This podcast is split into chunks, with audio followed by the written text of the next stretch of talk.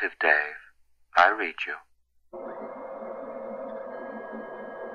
Open the pod bay doors, Hal. I'm sorry, Dave. I'm afraid I can't do that. Hej och välkomna till Fulkultur, den sedelärande och folkbildande podden från Geeks Publishing. Vi som sitter här idag är eh, Emil Åkered från Sveklockers, välkommen. Tack så mycket. Kalle Johansson Sundelius från FZ. Yes. Och jag heter Joakim Minett, jag jobbar också på FZ.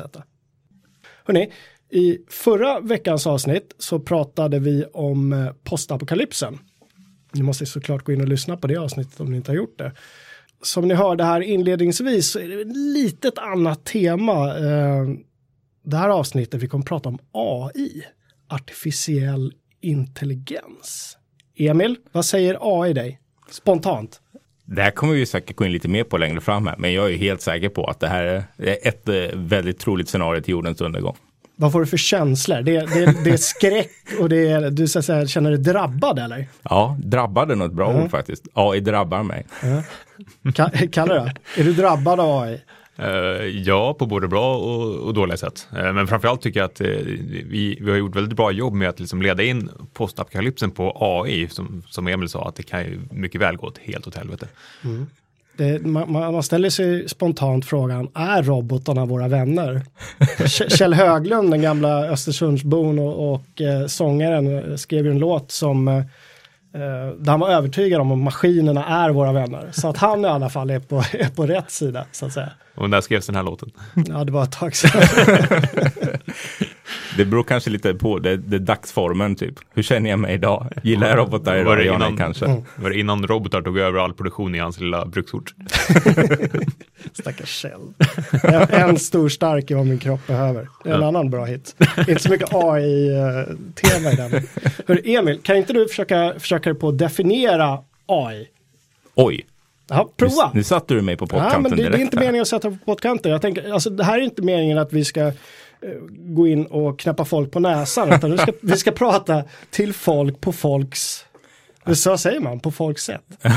Folkligt. Alltså AI för mig, om jag ska definiera AI, Mm. det är när, eh, när maskiner kan eh, tänka själva. Och att de kan gå utanför sig själva eller utveckla sig själva, sin egen programmering eller på något sätt. Eh, gå utanför sin egen programmering kan man säga, på ett oplanerat sätt.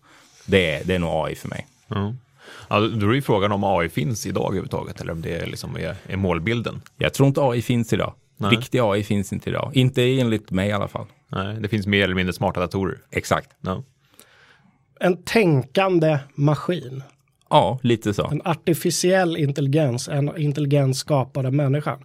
Den, den här eh, gamla forskaren Alan Turing tog ju fram Turing-testet som skulle avgöra om en maskin var intelligent eller inte. Åtminstone om de kunde lura människor Ja, att de precis. var intelligent. Det var det som var hela kruxet. För ett tag sedan så var det snack om att åh, nu äntligen har en dator klarat Turing-testet, men det var inte riktigt så, eller hur? Ja, Jag minns inte detaljerna, men visst var det någon hake där? Jag tror, jag, jag tror det var flera hakar. Framförallt så är ju haken att, att, att datorn fortfarande så att säga bara gör det som människan har sagt åt den att göra. Den är bara lite mer smart programmerad nu än vad den var tidigare. Alltså man kan ju gå in hur djupt filosofiskt som helst på det här. Att, så att säga, när, är, när är maskinen tänkande? Är det när vi tycker att den är tänkande eller är det när den själv tänker? Och hur får vi i så fall veta att den tänker? Det var någon forskare, jag läste på lite innan där, som sa att för att människan ska få reda på hur en maskin tänker måste människan själv kunna gå in i en maskin. Ja, där har vi något exempel nyligen med något spel, Soma. Tangerade inte det spelet eh, lite där människan in i maskinen på ett sätt? Och är jag en människa eller är jag en maskin? Ja, men det var ju precis den, ja, den frågeställningen som var ganska central. Och hela det här med liksom, när, om nu en maskin kan tänka och ta egna beslut, liksom, var, var börjar och slutar mänskligheten egentligen? Vad, vad, är det ett liv då som, som existerar och har vi rätt att bestämma över det livet?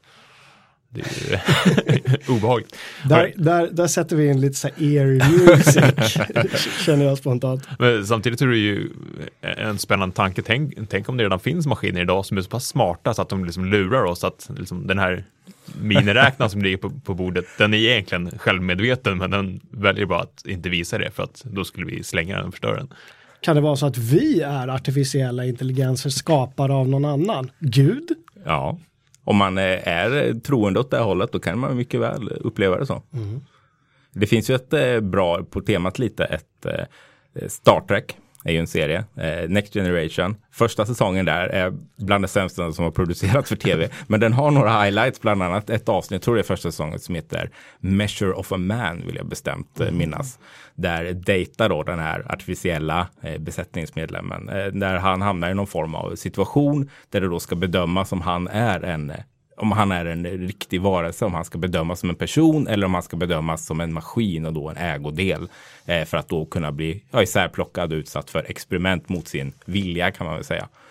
Eh, och det är ett eh, väldigt bra avsnitt. Det är så här väldigt mycket moraliska grejer och typiskt sådana här saker som säkert då när det producerades kändes väldigt sci-fi. Men ju närmare vi kommer den här eh, eventuella true AI-grejen så, så kommer ju sådana saker absolut bli aktuella.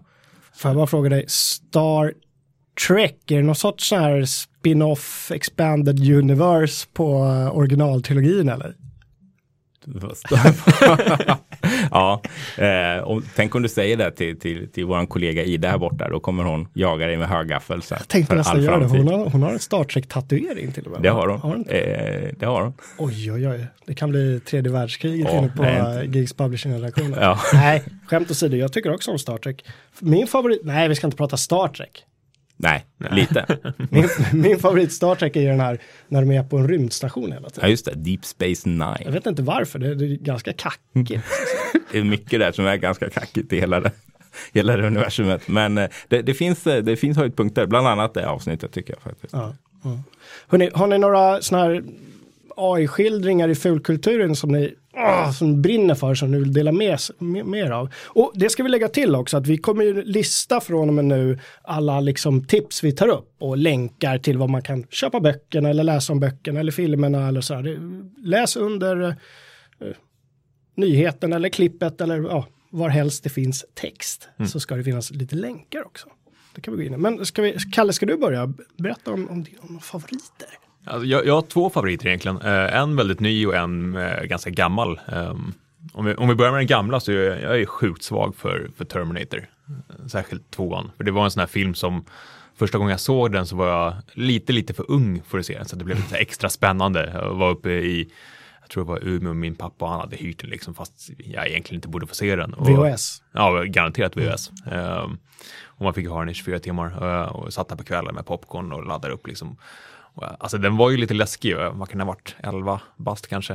Eh, men just den här liksom känslan i slutet eh, när man förstår att alltså Skynet, den här liksom, eh, AI som eh, väljer att förstöra hela mänskligheten, att, att då, nu kommer jag inte ihåg vilket år det var, men det var väl typ 98 kanske som det det här skulle hända som Skynet gör i, i filmen. Och, och liksom då, kan det ha varit 93? Och då vet han så här, om, om, om några år, då skulle den här saken kanske kunna hända. För att man var ju fortfarande så pass ung så att man liksom kunde leva sig in i saker på det viset och verkligen tro att fan shit, tänk om atombomberna faller här om några år, då har inte jag så många år kvar och hur ska jag reagera då liksom. Ehm, och sen såg jag en ny film eh, för några veckor sedan. Eh, den här Ex Machina eh, med svenskan Alicia Vikander tror jag hon heter Ja, just det. i en av huvudrollerna. Eh, som, är, som spelar in på lite mer moderna grejer med liksom, vad händer när en, en stor sökmotor eh, börjar använda all den här datan de har till att bygga en, en, AI och sätta in i en robot och alla moraliska saker som, som händer där. Hur mycket får vi spoila i fulkultur förresten? Det har vi inte pratat om, vi har inte lagt någon nivå där. Den är svårare. Jag känner spontant att så länge eh, ett, ett verk är mer än något år gammalt så kommer vi spoila hej vilt. Ja, oh ja. ja. Alltså annars kan vi inte, annars fastnar vi här. Alltså, Kommer vi, går tapp, inte. kommer vi tappa lyssnare då? du? Säkert. Fått "Åh, 2001, en rymdodyssé, den har inte jag sett den. Hur kunde ni avslöja? Och då är det bara, ja men klipp dig. Kom tillbaka senare. Kalle, du var inne på det här med, bara lite snabbt, på Terminator 2 där, att det var på 90-talet. Det är väldigt ofta så inom, inom science fiction litteraturen och filmen, eller framförallt litteraturen kanske, att de trodde att utvecklingen skulle gå mycket, mycket snabbare än vad den faktiskt har gjort. Det är bara att kolla på 50-talet, alla författare som skrev ganska tongivande science fiction då, vad de trodde. Ja men det var Asimov som trodde att på 90-talet då har vi liksom, då är det robotar som går omkring och sen så 2015 då är den första pratande roboten har jag för mig. Mm. Um, är vi inte riktigt där? Nej, vi har. Siri. jag, jag har en favorit, förutom eh, inledningsvis här så hörde vi ett klipp från, uh, ljudklipp från 2001. Men den känns lite uppenbar. Så jag skulle vilja ta upp då, så att säga, South Parks version av, eh, av 2001, en rymdodyssé. Eh, jag tror avsnittet heter Trapper Keeper. Det handlar om att eh, Cartman eh, skaffar en, eh, en Trapper Keeper. Jag är osäker på det svenska ordet för en Trapper Keeper. Men det var små böcker med mini, eh, små kalender och miniräknare i ett lite grann. Ett litet paket som man hade när man gick i skolan. Men jag vet inte om ni hade ni sådana? Nej, vi hade Nej. datorer. Jag är lite äldre än vad du är Kalle. Ja. Ja. okej. Nej men det var ju liksom en sån liten allt i ett bok, så här mekanisk sak. Ja, hur som helst, han har en sån med Dawson's Creek-tema, ni kommer ihåg Dawson's Creek, det gamla fantastiska, eh, hon som är gift med Tom Cruise nu för övrigt. Alltså, Katie Holmes. Ja, just det. Ja, inte de galna scientologer. Uh, ja, de är galna. Där kan vi snacka AI sen. Oj. Hur som helst. ehm, Cartman har sin Dawson's Creek eh, Trapper Keeper och helt plötsligt så får den eget liv och börjar merga med honom på hans rum. Trapper Keeper merging säger den och han blir en del av den här, eh, ja det är ju någon sorts artificiell intelligens som skapar. I en väldigt berömd scen så, så ska eh, Cartman Trapper Keeper ta över den stora militärbasen där i närheten av där de bor. Och då måste de ju hindra honom så då kryper Kyle in i Cartmans Trapper Keepers kropp och hamnar då i ett litet, litet utrymme som ser ut som det här utrymmet i 2001 när de flyter omkring. What are you doing, Kyle? I'm going to try and break you away from the computer, Cartman. I need to remove the CPU. I'm afraid I can't let you do that, Kyle. Screw you, fat ass! Hey, screw you. Cartman! Ah! Det är fantastiskt, eller hur? Mm, Det herregud. lysande. Det, det var mitt lilla tips. Hur, hur, det. bara ren där, side note, hur, hur kröp han in i uh, Cartman? Nej, han tar sig in genom någon kroppsöppning. Som, den ser ut som en stor tarm som pruttar ut där. Och, och får jag nu erkänna att jag inte ens sett 2001? Eller? Ja, det får du erkänna. Har du läst, har du läst boken? Nej, jag har inte gjort det Arthur heller. C. Clarke. Boken Ja, är ju bättre alltså. Ja, jag har läst någon Arthur C. Clarke, men jag tror inte det är den. Nej. Nej, jag känner att jag måste titta på den här filmen nu. Ja. Ja. Kolla upp den. Den är väldigt långsam men otroligt vacker. Ja, alltså, Stanley Kubrick. den, är- den, är, den är lång. kan man säga. Och den känns lång, men den är absolut sevärd. Det är en klassiker. Men det är ju inget jag kanske kollar på en gång om året om man säger så. Det, det är det inte. En gång var tionde år Ja, kanske. något sånt. För att Så se hur, hur vi har kommit ikapp. Ja, och så tittar man på det och så bara nej. Lite så, på gott och ont kan man väl säga. Emil, har du någon favorit? Eh, vi var inne lite på, på Asimov och Mm. eh, jag vet inte, egentligen det är ju, det är ju så här klassiska böcker, är det verkligen fulkultur? Men skitsamma. Eh, Asimovs klassiska AI-skildringar eh, ligger mig varmt om hjärtat. Jag läste mycket Asimov när jag växte upp eh, och det, det sitter kvar fortfarande. Jag läste om några av böckerna på senare år. Jag tycker fortfarande de håller. Och speciellt då robotserien, det var han som satte hela eh, eh, robotikens tre lagar och hela den biten. Och, och hur han bygger upp den här, eh, ja, hela, hela biten runt robotarna och sen längre fram i serien konflikterna som blir eh, robotar, människor och sen vad det då utvecklas till som sen då blir stiftelsetrilogin senare där AI inte längre figurerar på det sättet av olika anledningar. För mig är det, det är liksom en del av grunden, det är en riktig klassiker. Så. Han brukar ofta nämnas i de här sammanhangen. Den första berättelsen där i, i eh, Jag Robot eh, novellserie måste man säga. Den är ju väldigt vacker och fin. Handlar om en liten flicka som vars bästa vän är roboten Robbie. Ja, just det. Låter lite ostigt men den är, alltså hon, hon blir då, hennes föräldrar tar bort den här robotkompisen för att mamman tycker inte att det är någon bra lekkamrat. Människorna på byn tycker att ja, men det här är farligt och så blir det lite förvecklingar och väldigt kort, man kan läsa den på halvtimme eller någonting så här. Rekommenderas verkligen. Så bra inkörsport.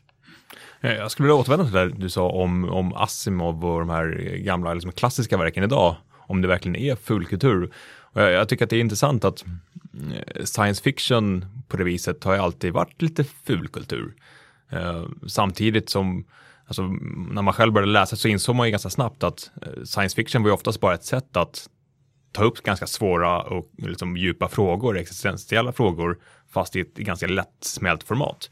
Jag har ju en, en sambo som vägrar kolla på allt vad som heter science fiction, men alltså, som X-Machina till exempel, det, fin- det finns ju väldigt mycket att hämta där, om man bara ger det chansen. Ja, jag håller med. Det är verkligen, och jag tror det var säkert ett sätt också. Det var ju lite mer, okej, nu ska vi inte säga att det är lugnt och fint i världen idag, men det var ju andra typer av spänningar på den tiden och science fiction var säkert ett sätt att kunna göra samhällskommentarer utan att det var uppenbart samhällskommentarer och det, det, det märks i mycket av verk från den tiden, absolut att det gör. Det märks ju hur, hur så att säga, framåttänkande människorna blev också efter andra världskriget när det här verkligen exploderade på 50-talet. Hur, vilken, vilket framtidstänk de hade och vad de trodde det skulle hända stora grejer. Flygande bilar. koloniserat hela solsystemet vid, på, redan på 90-talet. Liksom. Vart, vart har vi hamnat? På månen och det var ett tag sedan i och för sig. Ja, precis. Men du, vi ska till Mars vilket decennium som helst. Då kommer det krävas AI då om vi reser till Mars, så tänk, tänker jag. Nej. Nej, Nej. utan vi får förlita oss på hederliga gamla datorer som är välprogrammerade. Och folk som eh, sitter väldigt, väldigt länge och trycker på knappar under väldigt, väldigt lång tid. Alltså det enda som är, man kan tycka är lite science fiction av det är ju att vi har folk som, som bor i rymden regelbundet. Alltså vi har ju en rymdstation som snurrar runt jorden där folk lever hela tiden. Alltså det kan jag få, men så här, känslan när man står där på landstället mitt på sommaren och det är bara helt becksvart man ser här miljoner stjärnor att fan, det är folk där uppe. Ja, det är lite science fiction när man tänker på det. Ja, ja verkligen. Eh, Ska vi återvända till Emil, du nämnde den här robotikens, säger man så, robotikens tre lagar? Jag tror det, jag tror det heter så. Ja.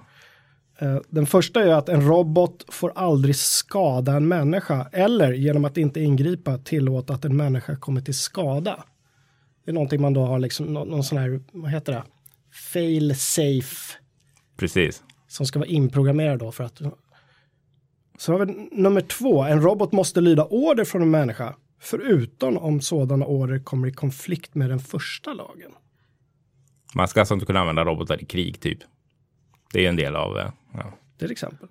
Nummer tre lyder, en robot måste skydda sin egen existens såvida detta inte kommer i konflikt med första eller andra lagen. Ja. Eh, Den tredje tyder ju på lite liksom e- eget existerande, att man, att man förstår att man existerar och att det är någonting värdefullt. Eh, Ja, det är intressant. Asimovs robotar i hans, de gör ju verkligen det. De, de, de existerar ju eh, på det sättet att de har ju personligheter och eh, tänker själva och så vidare och gör egna resonemang. Det kommer ju en fjärde lag också har du berättat Emil, det visste faktiskt inte jag. Men Ja, den nollte lagen. Nollte lagen, Eh. vad går den ut på, vet du det? Den går ut i princip på att en robot, eh, ungefär som första lagen fast med mänskligheten istället. Att en robot får inte genom eh, att göra saker eller inte göra saker eh, bidra till att mänskligheten skadas eh, på ett eller annat sätt.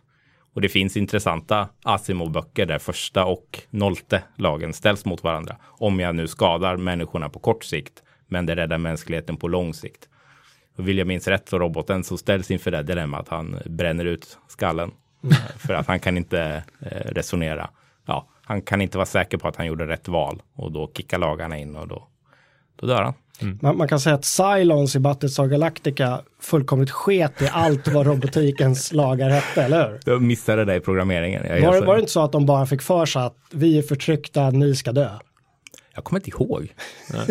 Ja, men det är väl lite som, som Reapers i, i Mass Effect också. De är ju inte heller speciellt vänligt inställda mot mänskligheten. De tycker bara det. Men, men Reapers, de var ju inte skapade av människorna, eller hur? Utan de, det var någon sorts mas- levande maskiner från andra dimensioner eller andra världar. Var de inte skap... eh, Det finns en DLC för det här va? Leviathan kanske Ja. den heter. Där man får träffa skaparna av Reapers. Är det inte så? Är det så? Ja, jag tror det är det. Som var en, en hu- inhuman.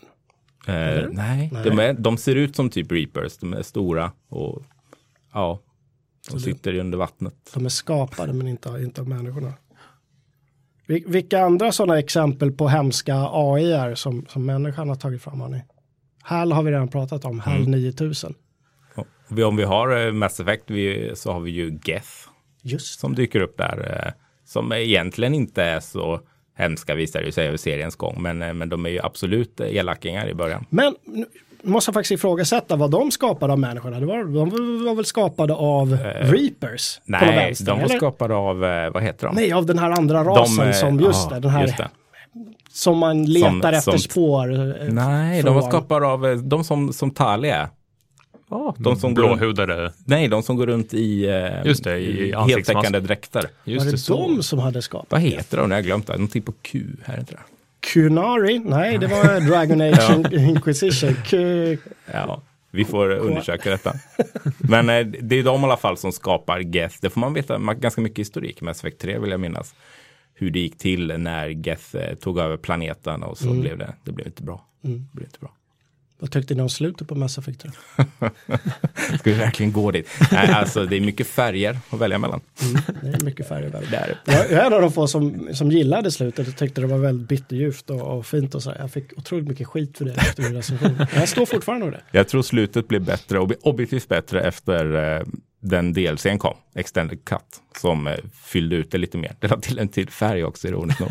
eh, men eh, nej, jag tycker eh, det kunde gjorts eh, mer varierande, slutet. Ett DLC som gjordes efter att communityt eh, gnällde och klagade. Exakt. Det är ungefär som att någon skulle skriva om slutet på sin bok efter att folk bara, "Eh, är det för slut? Ja men åh, förlåt, jag skriver om det, vad är det för jävla dumheter?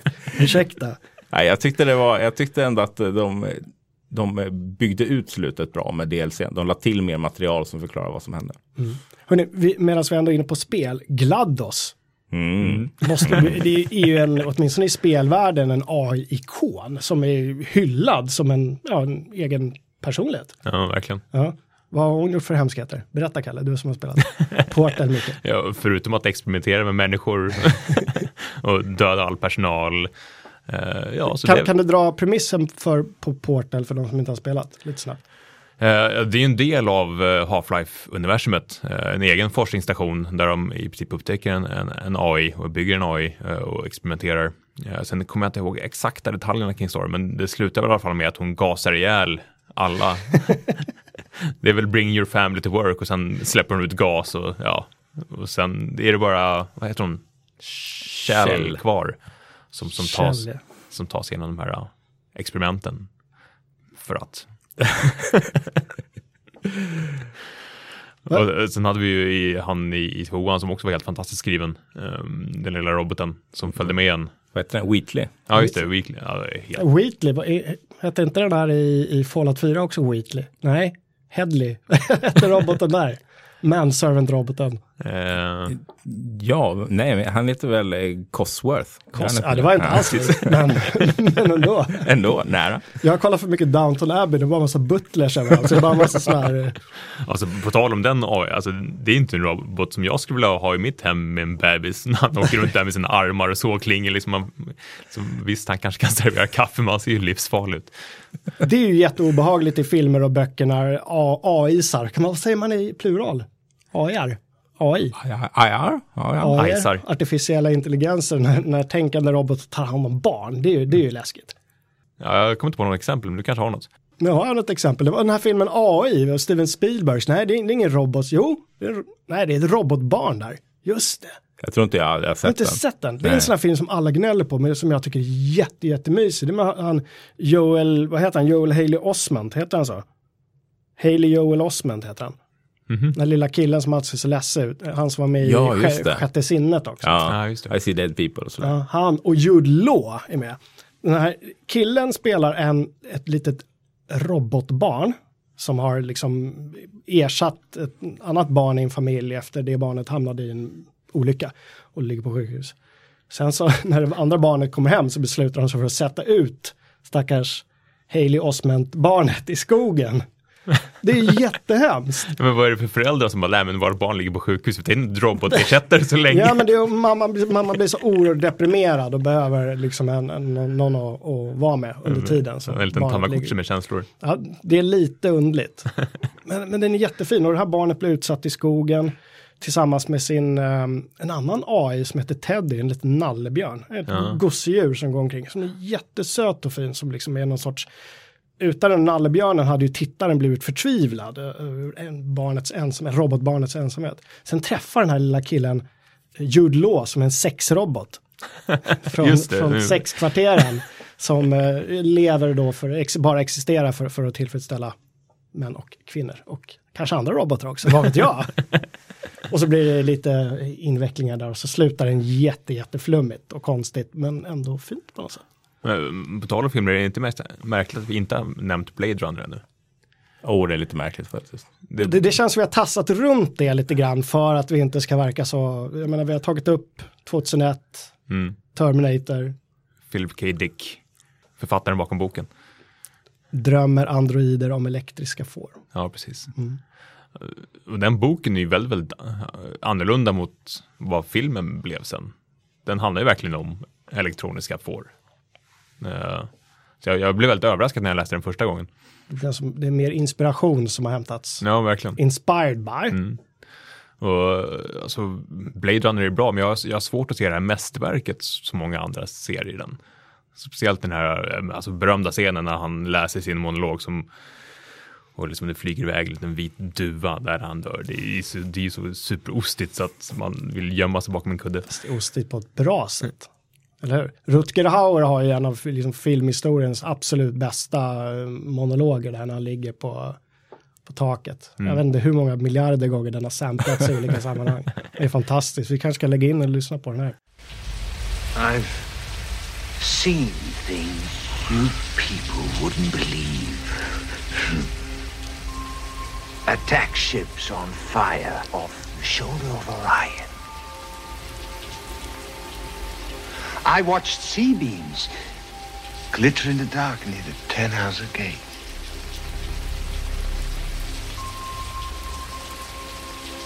All those moments will be lost in time.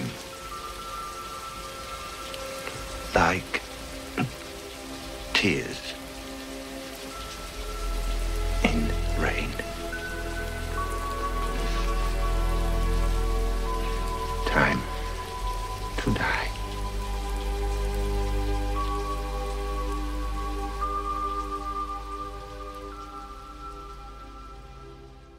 Men alltså den är ju jättebra, men just det här, den här lilla vita duvan den stör mig så något otroligt. Du, små detaljer? Du, du går runt så här, det här är en bra film och sådär, men duvan, alltså. Ja, gud, och du bara gnager där. Ja, det gnager lite. Men. Blade Runner så är ju replikanter, eller hur? Kallas eh, de här, är det någon sorts cyborgs? Eller vad, är, vad ska man kalla dem för? Ja, det är väl, ja. Ja, Är det inte, nu minns jag att det var väldigt länge sedan jag såg Blade Runner, säkert 5-6 år sedan eh, sist, att, eh, men visst är de skapade för att göra tuffa och hårda jobb och sådär, som människorna inte vill göra. Och sen har de så att säga fått eget, Mm. eget liv. Eller de har liksom brutit sig loss från de här reglerna som de har, har levt efter. Och så wreakar de havoc för att använda ett svenskt uttryck. Eller hur? Och det är då eh, Deckard, heter han så? Deckard. Mm. Det är hans jobb att eh, leta upp de här replikanterna och förgöra dem. I början av den filmen där är det någon sorts omvänd Turing-test, eller hur? Ja, Man just ska det. sitta och så att säga ta reda på om den här personen som sitter framför den är en replikant eller en människa. Mm. Mycket skumt. Lite scientologvibbar på det där testet också. De har ju något sånt här test där man ska så att säga tuna in sig med sina andra tidigare liv. Ja, men man sitter och Ja, håller i så här rör med så här elektroder och grejer. Det är helt, det är helt sjukt. Det låter väldigt jordnära och så. Ja, jordnära. Vad har vi för svenska, vad har vi för svenska AI-skildringar? Ja, det är en bra fråga. Vi, är inte så, vi har, har ju det som, eh, som den här serien som gick på, eh, vad var det, SVT? Var det så? Äkta människor. Exakt. Precis. Den blev ju ganska om, eh, omhuldad får man väl ändå säga. Överspelande Eva Röse i en av eh, huvudrollerna. Jag kan ju erkänna att jag kanske bara sett första två avsnitten. Så jag är helt... Eh, Den höll, den höll ju inte rakt igenom om man säger så. Premisserna är ju jättefina men och, och, för att använda ett slitet uttryck, det är fint foto. men, men de spelar ju över så är så härliga till. Men det är ändå ganska hög budget för SVT känns det som. Men jag tog Eva Röse som exempel, hon är en av de här eh, hubottar heter de. Ja. Eh, och hon är en av dem som så att säga, bryter sig loss och, och märker att så här kan vi inte leva då, då de ska göra uppror. Och hon är så arg, hon spelar över det så härliga till så att det nästan står gnistor om henne. Det är fantastiskt. Det finns en eh, amerikansk engelsk remake på äkta människor som skulle heta Real Humans men som bara heter Humans. Som jag tror första säsongen gick i somras. Jag har ingen aning om man går att få tag och se på den någonstans. Jag har bara sett någon trailer. Den var ganska, ganska lik, åtminstone visuellt, den svenska. Så lite så halv, halvkackiga huvudbotar. Nej, men de- jag vet inte, det känns lite grann som de har liksom, okej, det är en, en, en, en android, då måste den röra sig lite stelt och ha stirrande blåa ögon, liksom så här iskalla. Och, På tal om det, här, något som är genuint eh, läskigt och Uncanny Valley, det är ju de här eh, japanska robotarna ni vet, som ser nästan ut som människor som är gjorda som, eh, ja, forskaren, vad han nu heter, han har gjort en robot som ser ut, ska se ut som honom, som ska kunna ersätta honom på lektioner och sådana grejer, eh, som han då styr på distans är det väl. Men den är lite för lik honom utan att vara tillräckligt lik honom. Och det är alltså jätteläskigt verkligen. Sånt kan jag lätt få mardrömmar om. När det, ja, det ser, usch, usch. Det, då, då ska det hellre se mer ut som en artificiell konstruktion än att det är lite för nära. Nej, Uncanny Valley. ja, det är verkligen det. Usch. Nej, usch. Nu fick jag mardrömmar automatiskt där känner jag. Natten är förstörd. Men hur lång tid tror ni det kommer ta då? Innan vi är där. Om vi, om vi målar upp någon form av sån här, ja men äkta människor kanske folk kan relatera till. Att det går omkring robotar som kanske inte tänker och beslutar själva, men de ser typ ut som oss och de agerar nästan som oss. Men man ser att det är robotar. Hur lång tid är det kvar? Gissning? Det för det, vi kommer ju hamna där. Kommer vi verkligen det? Ja men jag tror det. Du tror det? Jag tror, vad, alltså vad är det som, eh, vad är det som hindrar oss? Det är ju ingenting, det är ju bara teknik. Jag vet inte om det är det. Jag vet inte. Det beror ju på. Nu, nu är det filosofiskt här, men det beror ju på om du ska definiera någon form av, av själ eller medvetenhet. Alltså att få en dator att komma till det stadiet. Men jag, Jag tror, men jag tror inte jag är ute efter att vi har gått så långt än. Jag tror ute efter att vi är på steget innan där, där de så att säga imiterar människor väldigt, väldigt bra, men de tänker inte själva och de utför enklare jobb. Ja, jag vet inte. Vad kan det vara? 20 år? Kanske. Ja, Sen, det är ju intressant att man all, nästan alltid kopplar ihop AI med någon form av robotar, att det ska bli liksom eh, tvåbenta maskiner som går runt och interagerar med, med oss. Men alltså, AI i sig tror jag alltså, att det inte är så jättelångt kvar. Kanske inte den AI som, som kan ta egna beslut, men tittar man på de framsteg som görs nu och det är ju, det är ganska många liksom, ingenjörer och stora tänkare som eh, går ut och säger det här är ju superfarligt. Eh, senaste året har det varit väldigt många sådana rapporter. Att tänk på vad ni gör, det här kan gå riktigt åt helvete. Och när vi har liksom Google och Facebook som sitter i princip och, och hetsar varandra till att bygga bättre AI. Dels för Och gör mördarhundar och mördardrönare tillsammans. Alltså att, att Google äger ett företag som bygger robotar, bara det, det är ju sjukt obehagligt. är, de, är Google nya Skynet? Ja. Alltså, de har ju störst potential till att bli nya Skynet. Men, och det är det som jag tyckte gjorde in, var intressant med X-Machine, att det, det är ju väldigt liksom, kopierat på Google. Det är ju liksom en, en eh, Blue Book kallas det där, en, en sökmotor som har alltså, så mycket data så att de har liksom kunnat komprimera det här och föra in det i eh, i en robot. Eh, och det är lite så man, man jobbar då, att man jobbar ju med deep learning kallas det. Där, att man, man kan ju få datorer att ta beslut utifrån vad den har blivit programmerad till. Att när man sätter in massa paragrafer att göra det så, så ska det göras i. Eh, men nu har man ju börjat koppla ihop det med deep learning, när, när den går in och analyserar om det här valet var ett bra val. Och det använder man ju bland annat till att liksom göra schackrobotar och nu håller man på att försöka knäcka något kinesiskt eh, brädspel. Eh, och nyligen så var det faktiskt en robot som vann över stormästaren i Kina eh, med lilla kruxet att den fick fyra stenars försprång eller så. Och det är just då Google och Facebook som sitter och liksom hetsar för att få fram den här mm kombinationen av både inprogrammerat beteende och beteende som den lär sig utifrån vad som funkar bra. Om man då kombinerar det med all den här datan som, som Google har på vad människor söker efter så ja, det är lite obehagligt. Kalle, du som håller på mycket med tv och datorspel till vardags. Det gör jag också, men jag, jag vänder mig till dig nu. Eh, i, I vilka spel har, har programmerarna lyckats ta fram AI som faktiskt funkar? Jag tänker mest på, ja men tänk på multiplayer shooters till exempel, där du inte kör mot mänskliga spelare. Finns det några exempel på AI som faktiskt funkar bra? Där de har lyckats? inte i multiplayer-spel på det viset. Att spela mot bottar, det är ju alltså det, jag tror inte det finns någon i hela världen som spelar regelbundet som kunna bli lurad av va? om det är mänskliga motspelare eller om det är bottar. Eh, där är vi garanterat inte än. Eh, och jag tycker snarare att man har gått tre steg tillbaks vad det gäller AI. Jag minns alltså, första gången jag spelade The Fear till exempel. Det var ett spel som var ganska duktig på AI och de tog ganska intressanta beslut för att försöka hitta det i de här omgivningarna och verkar liksom medvetna om vilka eh, banor de fanns i. Medan man idag känns det som att man mer eller mindre gett upp. Alltså visst, det finns bottar i, i multiplayer-spel, men jag tänker främst på kompanjoner i spel, som i Fallout 4 till exempel. Att istället för att de ska ha någon alltså, direkt påverkan på världen så, så är de odödliga. De kan inte dö, för det skulle ställa till saker. Eh, och de gör i princip ingen skada, för att då skulle också ställa till saker. Så man är liksom bara, nej men vad fan, kompanjoner är kul, men det spelar ingen som helst roll om de är dem eller inte. På tal om just eh, det, kommer du ihåg när eh, Skyrim släpptes va? Och de pushade så hårt för Radiant AI heter det va? Och att eh, de ska kunna röra sig fritt i världen nu för första gången och de ska gå på sina egna uppdrag och alla de här världen ska kännas så levande. Ja, det gick ju bra. Efter Det var ju likadant i, i The Witcher 3 när det släpptes. Då gick de också ut och sa att de hade motsvarighet till just det här Radiant AI. Att ja, det här är en levande värld där djuren och människorna lever sina egna liv och de går hem och sover när det är mörkt. Ja, det gör de visserligen. När det blir mörkt då ligger de i sina sängar oavsett om, om man står bredvid och flåsar jättetungt. Eller inte. Det var någon som gjorde något eh, experiment med det där.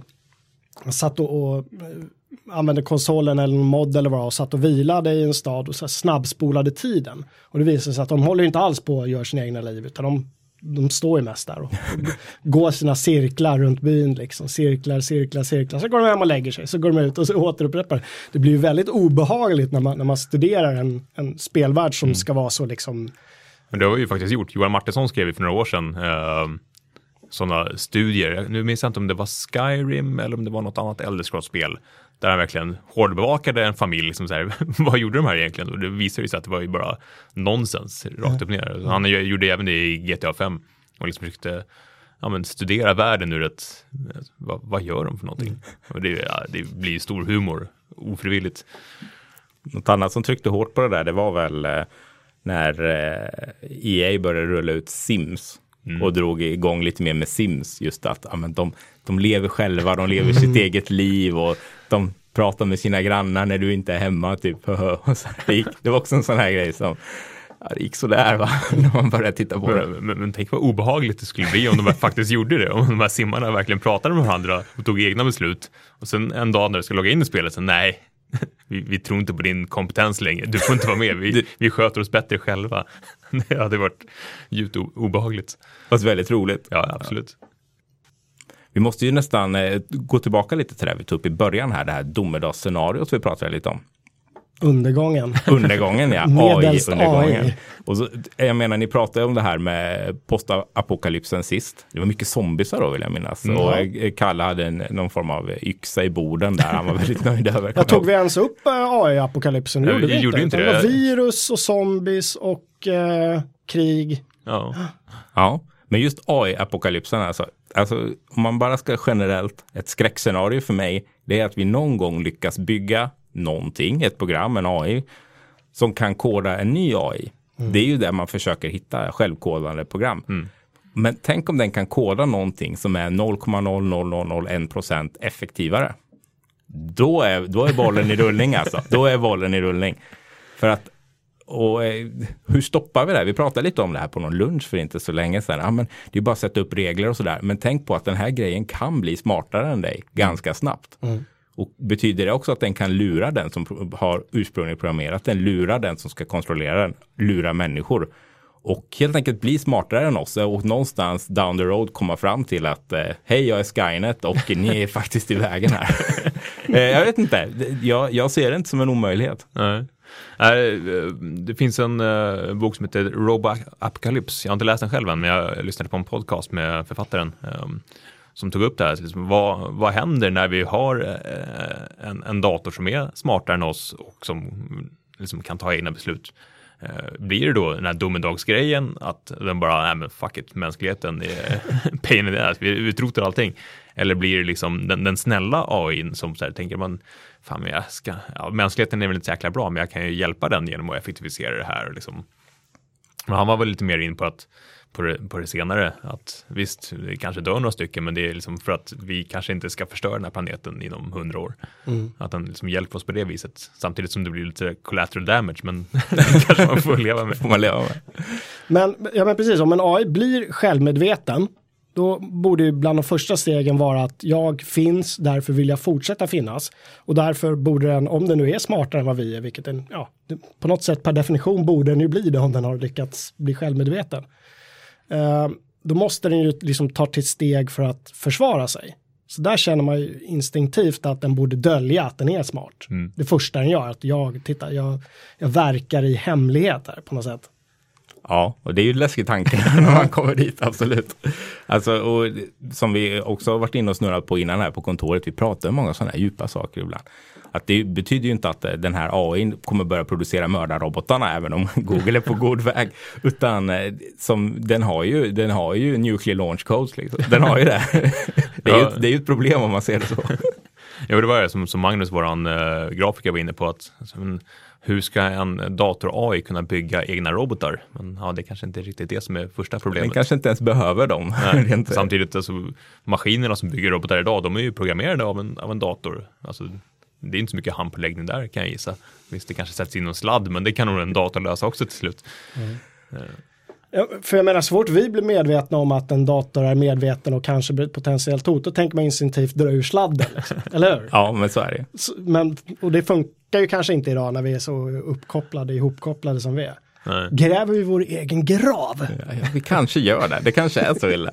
Alltså, man vet ju hur obehagligt vad det blir om, om internet eller elen försvinner. Tänk ja, om den bara stänger av internet. Eller tänk om den hoppar ut och biter dig liksom. Ännu värre. Smarta hemmen blir rena dödsfällorna när termostaten vrids upp och spisen sätts på. Ja. alltså jag, jag har ju till och med gått så långt att jag, jag vill ju köpa en crockpot, en liten sån här automatiserad eh, gryta liksom, som man kan styra via wifi. Men det är ju alltså rent eh, så själv, överlevnadsinstinkten borde ju sätta ifrån någonstans.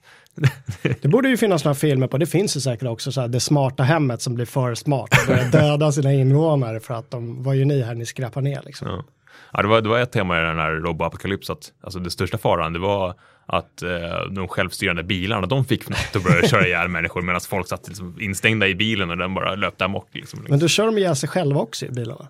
Eller? Ja, Fast de är en hive mind kanske. Exakt. Det är Skynet, jag säger det. Men vi hade ju något på ett ganska rejält exempel med självkörande bilar. Det här som var uppe för några månader sedan när, de, när någon hackade, distanshackade en, en bil Ja. i experimentsyfte. Och bara, nej, tog över allting. Liksom. Fimpa gas, broms, allting bara. Sätter på lugna favoriter sen är det kört. Sen är det kört. Det är det som är undergången. Alla måste ly- lyssna på lugna favoriter. Ja, usch. Nej, men eh, det, och det är ju alltså kan en annan människa göra det så varför skulle inte en AI kunna göra det då? Speciellt en smart jävel. Nej, man, man tänker ju ofta att, att en AI kommer bli lika hemsk som människorna. Och, ja. det är ett problem. Eller så nöjer den sig där med, med att slå stormästaren i Kina på det där brädspelet. Liksom. Det kanske Sen går den och dricker virtuell pina colada, nöjd med livet lite så. Ja, författaren, vad heter han? China Miville, jag vet inte hur efternamnet uttalas lite. Miville? Miville. Men han skrev en bok som heter Perdido Street Station. Och där finns det en, en, en hive mind, när vi pratar om hive mind, hive mind AI. Någon sorts skrotupplag. Där den här har vaknat till liv på något sätt och börjar liksom samla ihop sig från olika maskiner och, och grejer som folk har dumpat. Och även liksom på något sätt får ett, ett ehm, en, en kult runt omkring sig med människor och andra varelser som går ut och samlar delar i den här staden till AI som bara bygger upp sig själv. Det är inte den som är huvud, huvudstoryn i boken, men det är en, eh, jätteintressant del. Den är ett tips faktiskt. Perdido Street Station. Ja, det låter intressant. Alltså, och, alltså en AI som jag tycker måste vara en av de största trollen någonsin, det är ju den här AI som de bygger upp i Liftens Guide-galaxen, den där stordatorn som ska besvara Ja, frågan på livet, universum och allting. Va, vad hette den datorn? Deep thought. Ja, ja. Djupa tanken. Exakt. Ja, Alltså en av de så här få ändå böcker som, som jag tycker nästan är roligare på att läsa på svenska än på engelska. Jag tycker den är fint översatt. Djupa tanken är jättebra. Ja, det är faktiskt. Och den bara trollar människorna och säger något helt annat än vad de ville ha för svar. Vill du spoila slutet? Nej, jag, tror jag undviker det faktiskt. Och- Men där har vi också en annan väldigt fin AI-robot som, som klamrar kring. Det är ju Marvin. Alltså, det är ju stjärnan i hela bokserien. Den melankoliska roboten. Ja, alltså tänk om AI blir så att, nej, fan, det här var ju skit. Man går lite deprimerad och skäller på talande, alltså, talande hissar. Det kan vi själv bli irriterad på när det är så här hissar som är överdrivet trevliga ibland. Vad är han? Här är en hjärna stor som en planet, bla bla bla. och de får mig att göra det här och det här. Precis, hämta kaffe. Ja. Men det är kanske är det som liksom får AI att till slut bara tröttna på att, så här, vad fan, skärp er nu. Jag kan så mycket mer än det här. Det är då atombomberna kommer liksom. Jag orkar inte. Har du några andra tips? Ja, alltså om man inte har sett den filmen du var inne på förut som jag inte kan uttala så det får du göra. X, eh, Ex-maskina. Ja, just det. Så rekommenderas ju den absolut. Eh, Det var nog en av årets bästa filmer tycker jag. Ja, Eh, oväntade, mest oväntade filmer. Det var lite vändningar där. ja verkligen. Mm, verkligen. Utan, det, det behöver vi inte spoila för mycket. Nej, den, den borde man se. Ja. Ja. Ja. det är märkligt att den fick inte ens svensk biopremiär utan trots att det var en, en svensk tjej i, i huvudrollen. Den gick ju direkt till, till DVD och streaming-sajter. Ehm, och eh, alltså den här dansscenen, den är ju, jag, jag tror att det kommer bli en klassiker. När, det är ju så obehagligt eh, när ja, en av huvudrollerna börjar dansa med, med en annan. Med sin hubot. Med sin, precis. Det är lite hubot-tema där också, eller Ja. Måste vi säga, för de som inte har en aning Ja. om vad och, alltså, oväntat snygga specialeffekter för en sån. Det känns som en lite så här lågbudgetfilm nästan. Men de har ju gjort den här liksom hennes eh, kroppen där med alla snurrande detaljer i magen och sådär. Det är ju sjukt snyggt. Mm. Sen likadant, alltså, har man inte läst någon gång i sitt liv, eh, läst eh, Asimov så, så bör man ju ta tag i det tycker jag. Det är ja, dags. Ja, det är väl nästan ett måste. Ja. Och sen 2001 såklart. Mm. Antingen läsa boken av Arthur C. Clarke eller se filmen av Stanley Kubrick. Clark har även skrivit eh, Rama-serien va? Eh, Jag har bara läst en rama. Det är också lite, lite AI-ish. eh. Finns det fler eh, böcker i den? Det finns väl om det är tre eller fyra eller någonting. Han har inte skrivit alla, det är lite samarbetsprojekt. eh, De blir inte bättre, Nej. kan man sammanfatta Ja, det. det. Räcker med den första där de så att säga upp, mänskligheten upptäcker det här, eh, någon sorts extraterrestrial generationsskepp, levande Och det är, den första är bäst, tycker jag absolut. rama. Rama. Vad har vi mer då? AI nämnde jag, det den kan jag ju påminna om igen. Jag tycker den är jättefin, den är väldigt lättsmält också. Steven Spielberg. Mm. Vem var det som skrev boken där? Jag vet inte om det var en bok som var förlag, jag har ingen aning. Nej. Är inte det en Philip K. Dick-bok? Ja, strunt samma. Eh, Det känns som allting när man pratar om AI kokar ner till eh, honom på den vänster också, eller Asimov. Det är de som, de som började. Ja, men de var, när, ske, när skrev eh, Philip K. Dick Do Androids Dream of Electric Sheep? Ja, det var ju en jättebra fråga. nu skulle vi ha den här Google-söktjänsten som en gång kunde få ännu mer data från oss så att den kunde bygga en, en bättre mänsklighet. Det du ska bli riktigt orolig, det är ju när den visar det här eh, årtalet för dig innan du har frågat om det. Mm.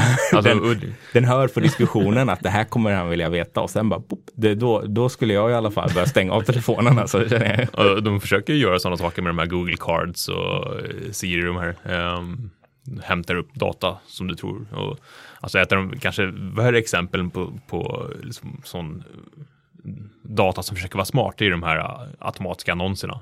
När man varit inne på Bauhaus och kollat plankor så var man, vilken sajt man än går in på så får man se Bauhaus plankor. Men alltså, kan det inte vara lite, lite smartare? Jag kanske vill se en annan planka, inte just den planka som jag precis plankade på. alltså, Ja, men så är det, har du köpt en, en, resa, en resa någonstans får du ju le- leva med det i ett, år efteråt. Fan, Ja. ska, du inte till, ska du inte till Hawaii eller? Nej, jag var precis på Hawaii. Screw you, screw you guys! Eller ännu värre om man typ så här, om man ska ha barn till exempel och kanske inte har berättat det för folk än, men man börjar söka på barngrejer eller, och sen, ja då är det ju kört alltså. Hela, alla vet det sen. Det är värre om, om din uh, bättre hälft har börjat eh, söka på barngrejer utan att berätta för dig. Man sätter sig vid datorn. Mm. Inkognito-läget Ja, har hjälpt folk sedan evigheten. det har det verkligen i sådana, fall. Och andra fall. Hörrni, det här var andra avsnittet av Fulkultur. Tema AI den här gången. Vad kommer vi prata om nästa gång? Det vet vi inte än. Det är uppe i molnen alltså. Ja, vi vill som vanligt att, att ni som lyssnar går in och tycker till och tipsar. Och vad, vad vill ni höra om? Vad vill ni höra våra väna stämmer orera om. Vi kan kanske berätta en liten lägesbild om hur det ser ut här. Det är väldigt fint, väldigt mysigt inne i vår studio. Vi har tända ljus. Det är lite julstämning. Vi är upplysta av en, en lampa, två ljus och en bildskärm. Lite så. Man, man skulle kunna göra så att man går in på Fulkulturs Facebook-sida och tittar på bilder. Jag har lagt upp en liten bilder. Åh, Ja. trevligt. Får man se Där oss. kan man också gilla. Eh, och numera finns vi ju på iTunes, eh, Podcast eller Pocketcast som det finns till Android, lite andra sådana Android-tjänster. Eh, om det är någon som ni saknar uh, fullkultur på så får ni gärna tipsa om vart, vart vi kan lägga in den. Vi som har gjort fulkulturavsnittet är jag, Joakim Rätt och eh, Emil Åkered från Sveklockers. Kalle Johansson Sundelius från FZ. Jag tycker vi håller där. Det gör vi.